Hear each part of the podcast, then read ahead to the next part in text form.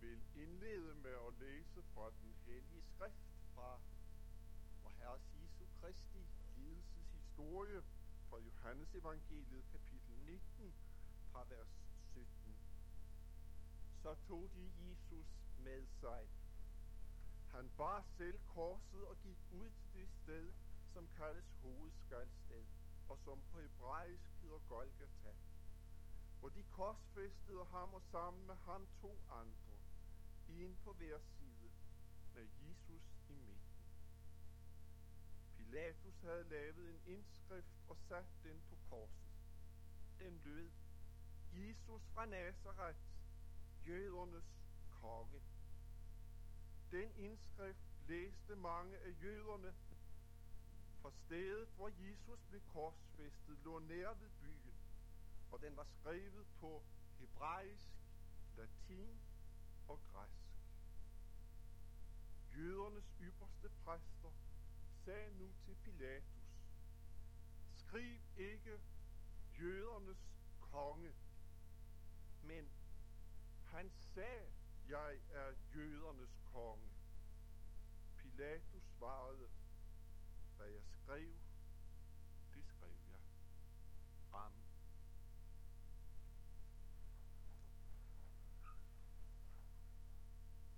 Hvorfor alverden har jeg læst i indledning på et foredrag med titlen Dit ord er sandhed? Denne her tekst.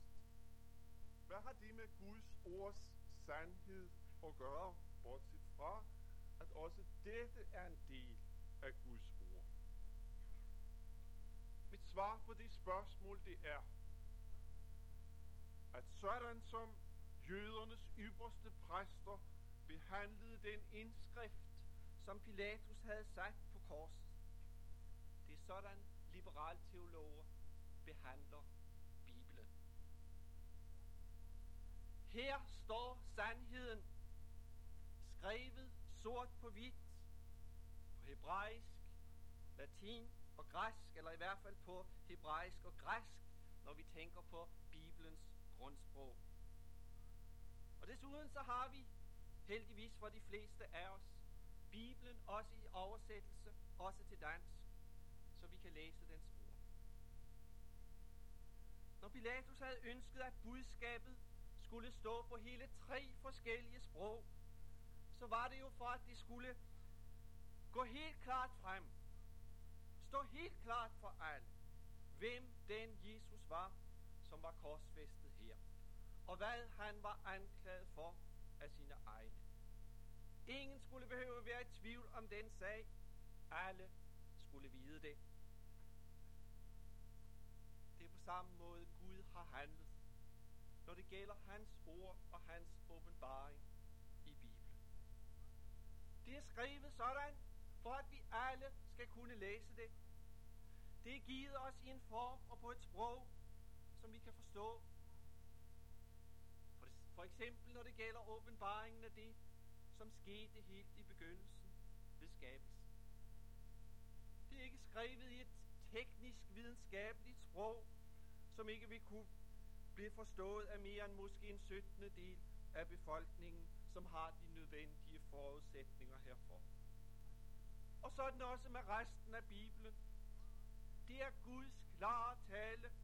Det er hans åbenbaring af det, som er sandheden om livet og om døden, om begyndelsen og om enden, og om det, som er imellem det. Givet os en form og et sprog, som vi alle kan forstå. Alt det, som vi mennesker har behov for at kende til, til frelse og til forståelse af, hvem vi er som mennesker, og hvor vi er på vej hen, det er sagt os her helt klart og utvetydigt er det, at vi oplever nogen i dag i samme rolle som jødernes ypperste præster i beretningen, vi læste her. Som blev forarvet over det, de læste, og som kom og sagde til Pilatus, skriv ikke jødernes konge, men han sagde, jeg er jødernes konge. Vi vil nemlig ikke vide af ham som vor konge. Det er ikke sådan i virkeligheden, men det er bare noget, han sagde. Det er sådan, den liberale teologi behandler det, som står skrevet i vores Bibel. Det er for eksempel sagen, når det gælder netop spørgsmålet om Jesu person, hvem han er. Her vil man sige, det er ikke sådan, at han vidderlig var Guds søn. Men det var noget, som han bare gjorde krav på at være. Han sagde sig at være Guds søn. Og så giver man forskellige udlægninger af, hvad der ligger i begrebet Guds søn, og meget af det, som man der siger, kan være rigtigt. Men tilbage, der står det helt væsentlige spørgsmål. Var han Guds søn? Eller var det bare noget, sagde, at han var?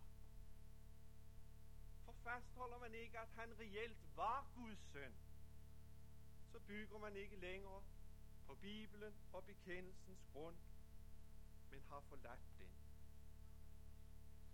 På samme måde, når det gælder det, som er fortalt os om Jesu under. Skete det i virkeligheden, er spørgsmålet. Var Jesus en, der gjorde undergærning? Eller er beretningerne om det bare udtryk for, hvordan den tids mennesker altså tolkede virkeligheden? Et udtryk for deres virkelighedsforståelse. At sådanne under kunne ske.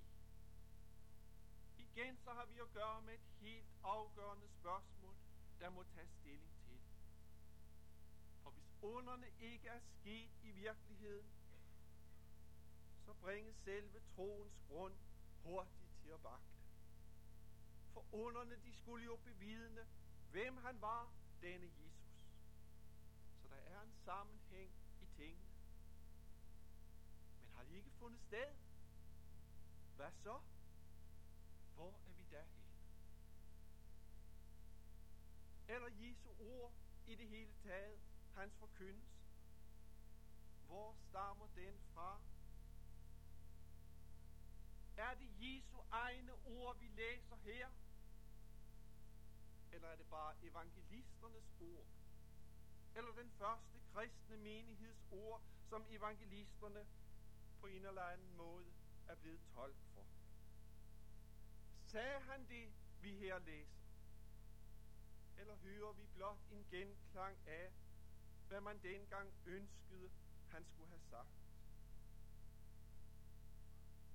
Var det sådan, at manglede man i den første kristne kirke en autoritær vejledning om for eksempel spørgsmålet om skilsmisse, ja, så opfandt man nogle Jesus ord om det. Eller hvordan forholder det sig? Ja, hvordan forholder det sig, også når vi bevæger os hen til det, som er vores kristne kirkes bekendelses allermest centrale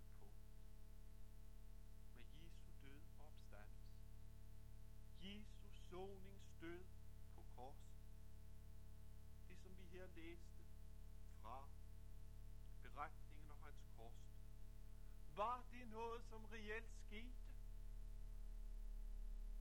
Døde han bare en forbryders død, som offer for et justitsmord, begået af et komplot, bestående af både jøder og hedninger?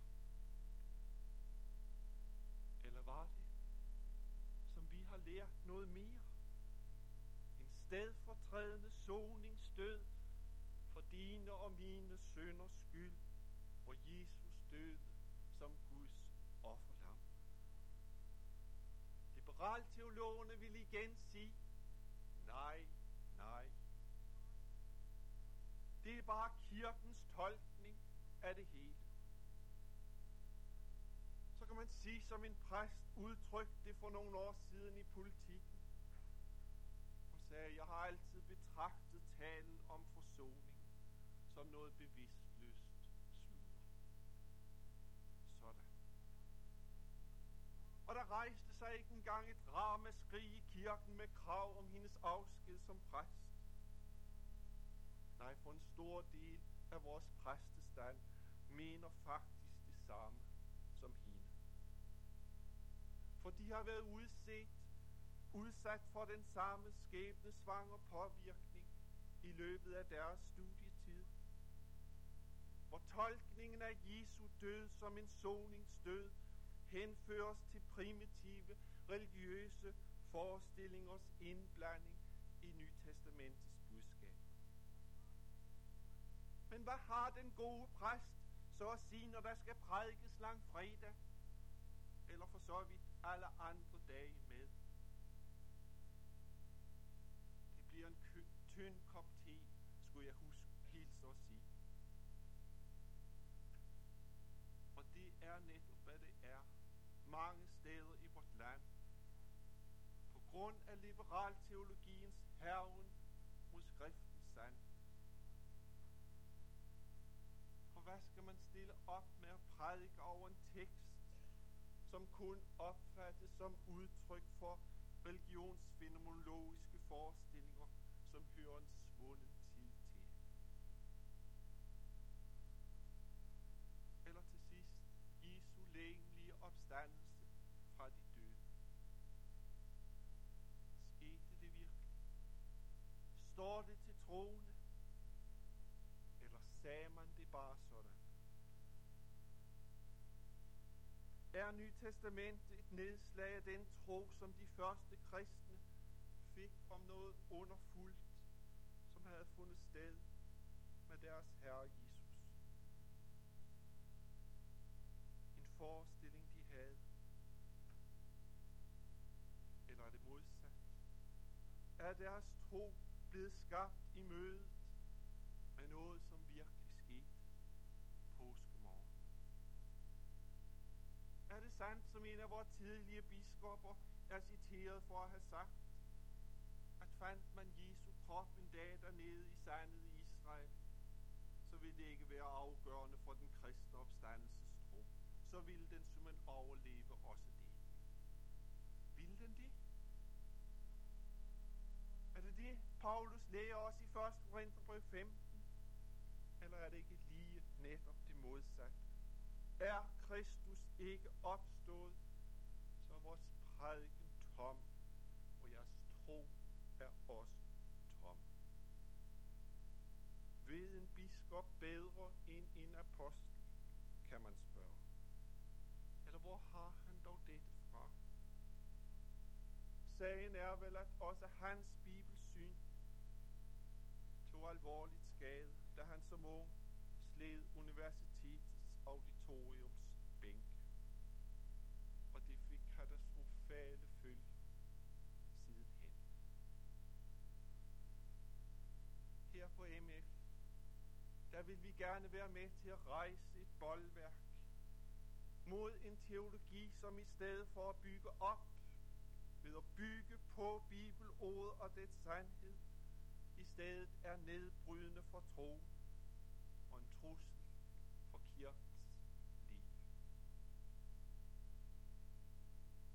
Den teologi vil nemlig efterlade en kirke, der ligger i ruiner, og hvor fjenden har let spil til alt mulig forføres. Hvor alt muligt vil kunne finde genklang, for man har ikke noget at prøve tingene på, andet end hvad man selv finder for godt, og som man finder i pagt med det, man selv oplever som værende evangeliet. I disse dage bliver der fremlagt en Ph.D.-afhandling inden for antropologi, som handler om den danske folkreligiøsitet. Denne afhandling den bygger på en række interviews, også med en lang række præster. Og afhandlingen den konkluderer ifølge Jyllands Posten med hensyn fleste danske præster opfatter mest Bibelens fortællinger som myter. Og selvom de nok kan tage visse tekster bogstaveligt, så kan man stort set ka- kategorisere deres opfattelse som symbolsk. Kære venner, det er derfor. Vi rejser et meningsfakultet arbejdet på det i årvis.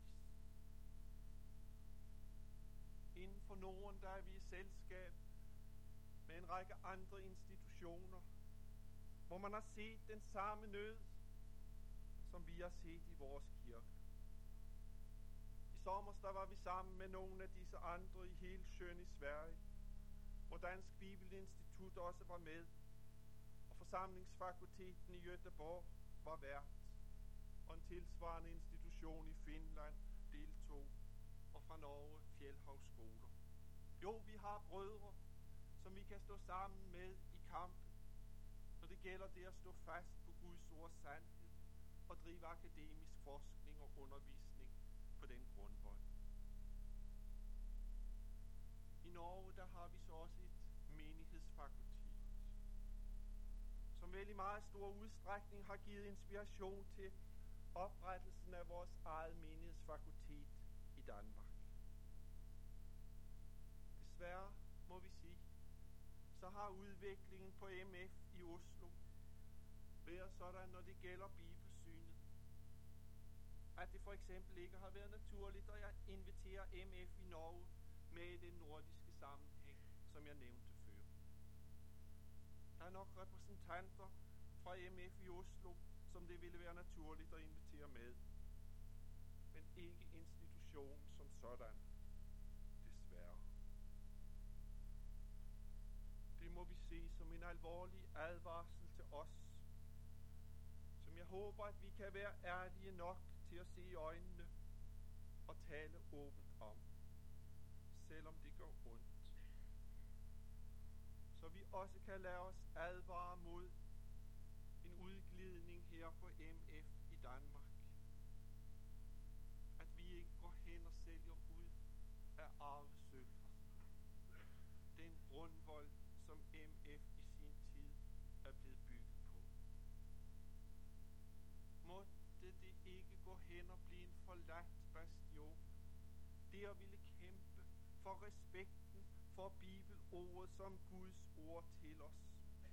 Som vi ikke vil problematisere eller drage i tvivl, men tværtimod vil holde højt i ære og bøje os for i respekt og lydighed, så vi også følger det i praksis og indretter os efter det i et samfund,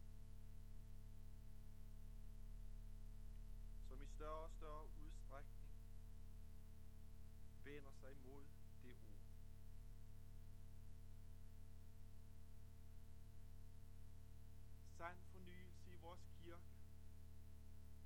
ikke at finde på noget nyt, men det er at vende sig til kilden, hvorfra det levende vand strømmer til os.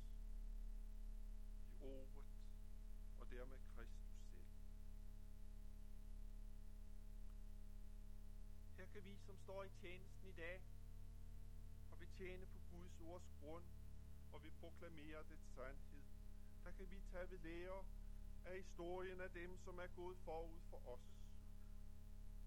Og nu har jeg set i resten af min tale her i dag, og opholde mig ved starten for vores søsterinstitution i Norge, netop menighedsfakultet i Oslo. Og den måde, det kom i gang på i sin tid.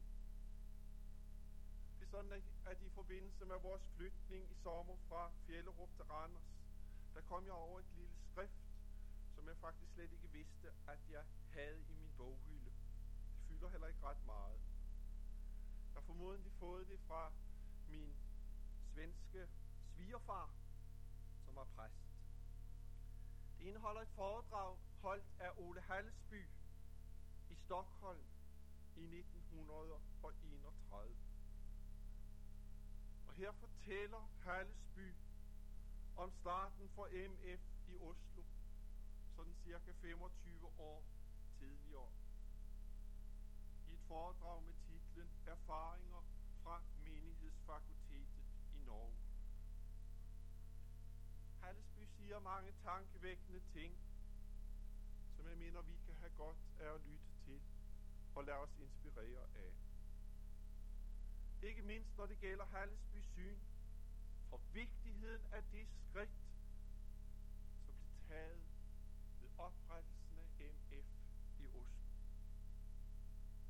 selvfølgelig høre det i bevidsthed om, at Norge er ikke Danmark, og Danmark er ikke Norge, og 1931 er ikke det samme som år 2000.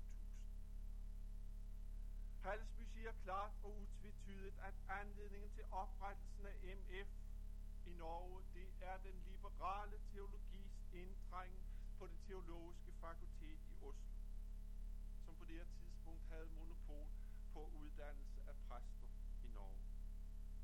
Der er en doktor Ording, som klart har fornægtet punkter i kirkens bekendelse, da han bliver forordnet som professor i dogmatik i 1906 ved det teologiske fakultet i Oslo, så er det et som får bæger til at flyde over. Det får professor Otland til at indgive sin afskedsansøgning, begrundet at han ikke længere kan tage medansvar for kirkens præstuddannelse, når kirkeministeriet kan finde på at udnævne en professor, hvis holdninger er klart i modstrid med kirkens bekendelse. Halsby siger i sit foredrag, denne professor Otlands mandige og offervillige handling var, var egentlig begyndelsen til MF. Hans handling vagte opmærksomhed i hele landet. De, der endnu ikke havde videt denne strid en eneste tanke, måtte nu tænke over det. Og de, som nok havde tænkt, men aldrig rigtig havde forstået sagens alvor, fik nu deres øjne åbnet. Så er der tanken om et frit fakultet på bekendelsens grund kommer frem. Og tilslutningen til sagen er simpelthen enorm. I løbet af nogle få måneder, så får man tilsavn om 150.000 kroner fra det norske folk i støtte. Det er på den tid et enormt beløb. Det er aldrig før sket i Norden, siger Hallesby, at man har kunnet indsamle en sådan gave. Nok til fem års drift af MF. Og efter at have fået tilsavn fra et par dygtige teologer blandt præsterne om, at de vil blive læger, så holder man i 1907 et stiftende møde i Oslo. Et møde, som Halsby siger, var båret af en dyb ansvarsfølelse og meget bøn. Og på det her møde, der er der ligesom to linjer, der støder sammen. En, som ikke ønsker noget nyt fakultet. For det vil jo bare lede til, at så får man to slags præster, det vil på længere sigt føre til en sprængning af kirken, forudser man. I stedet for, så skal man indgå et samarbejde med de liberale og søge at få tilsat et par positive teologer ved universitetet, som man så kan lønne med private midler. Men det er en anden linje, der sejrer. De, som stod for den, de troede ikke på nogen samarbejds have et frit og selvstændigt fakultet. Og uden det, så ville der ikke kunne blive den klarhed, som var nødvendig. Og man vil ikke få den præstuddannelse på Bibelens og bekendelsens grund, som kirken havde brug for. Så med overvældende majoritet, så besluttede man at oprette sit eget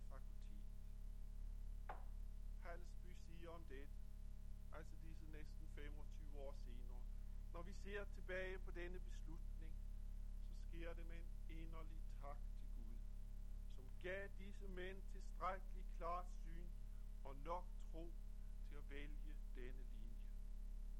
Den samarbejdslinje, som den anden retning foreslog, har siden vist sig ikke blot skade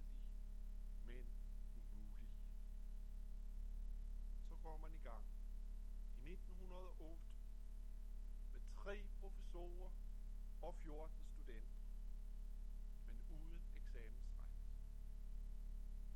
Men den formand i 1913, altså fem år senere.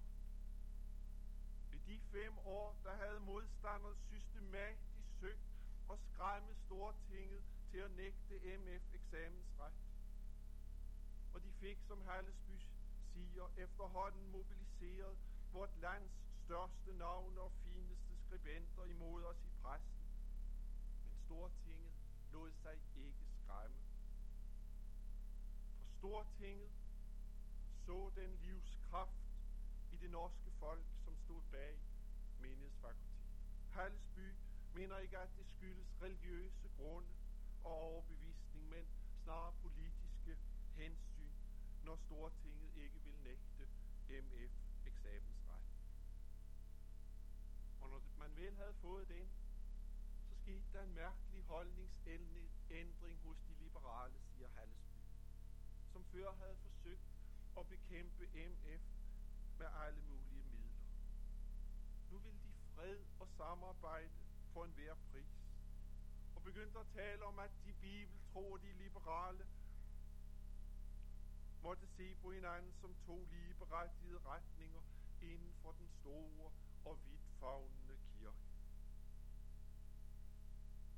Det fik også nogle af de bekendelsestro til at tale for, at nu skulle man nedlægge kirkestriden og respektere hver andres meninger og holde fred. Det bragte så nogle af MX, MF's folk på banen med i pressen og oplyse folk om, hvilke graverende fornægtelser de liberale rent faktisk gjorde sig skyld forhold til kirkens gamle tro og det bibelske budskab. Og her er det, man i 1920 kalder sammen til det møde, som Nikolaj også nævnte i sin prædiken i kirken i dag.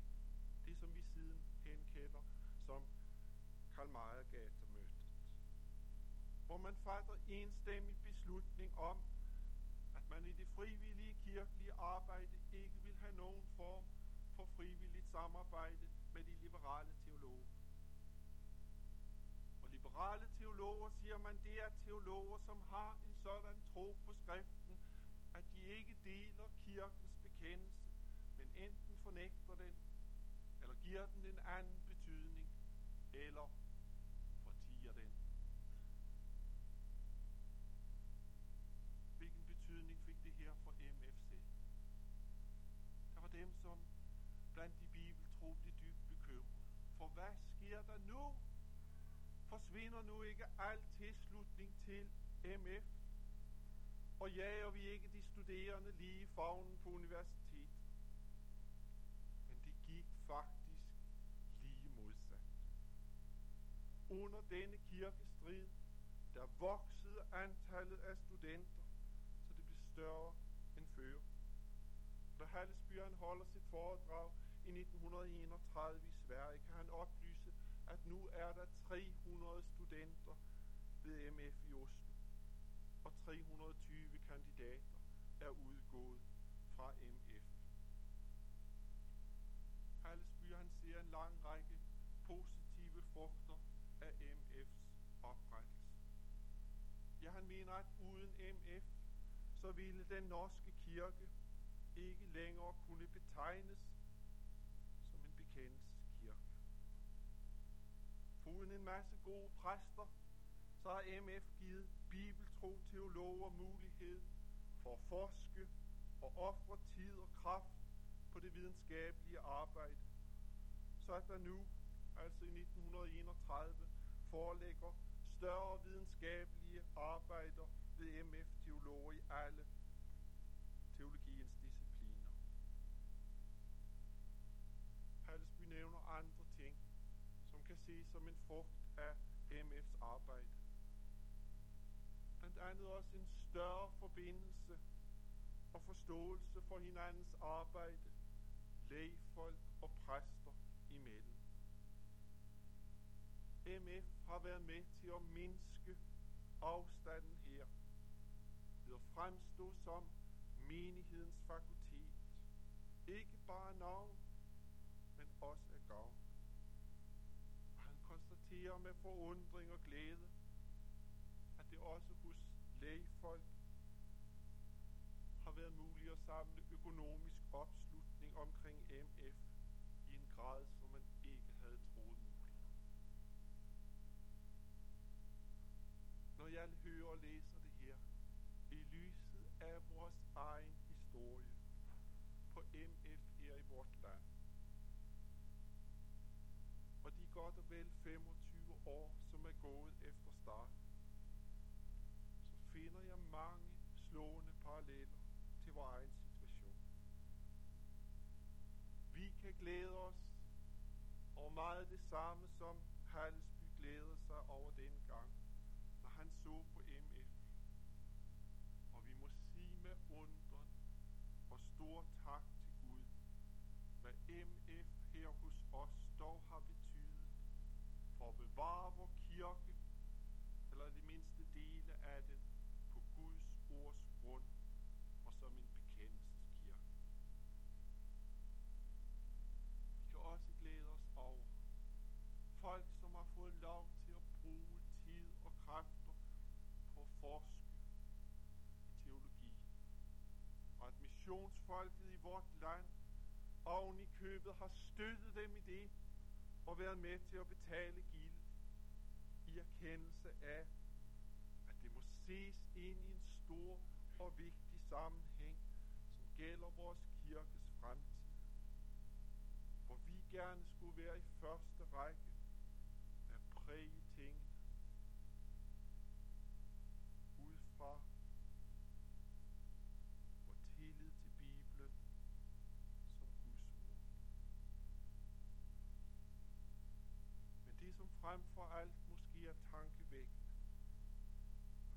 det er, hvordan de i den første tid i Norge tog de nødvendige skridt i forholdet til en kirke, som var på skred bort fra Bibel og bekendelse.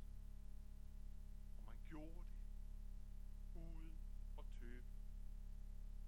Man lod ikke det ene år gå efter det andet, før man om sider handlede.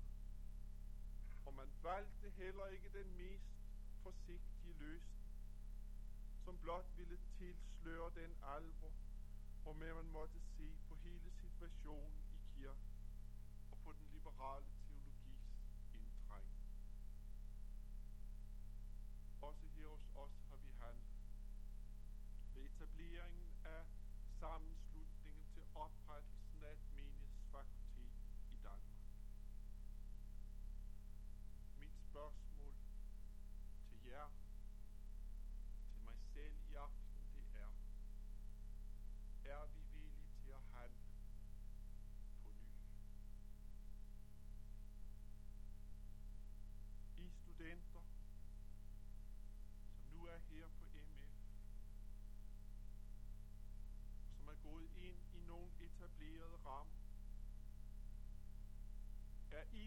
Til at tage medansvar for vores kirkes åndelige udvikling? Jeg vil udfordre jer til det. Og vi, som er medarbejdere på stedet her i dag, som langt på vej også har overtaget MF, er vi villige til at handle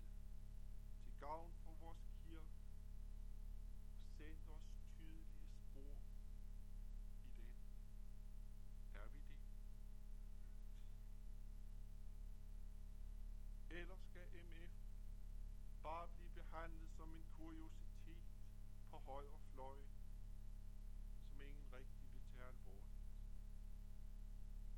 Jeg synes, vi må lade os inspirere af det, som skete i Norge for snart 100 år siden. Og så handle sådan, som de gjorde. Gå de veje, som Gud viser os. Og at MF kan være det redskab, har kaldet det til at være. De fik deres eksamensret på MF i Oslo. Den havde de ikke fra starten, og der var meget modstand mod det fra universitetet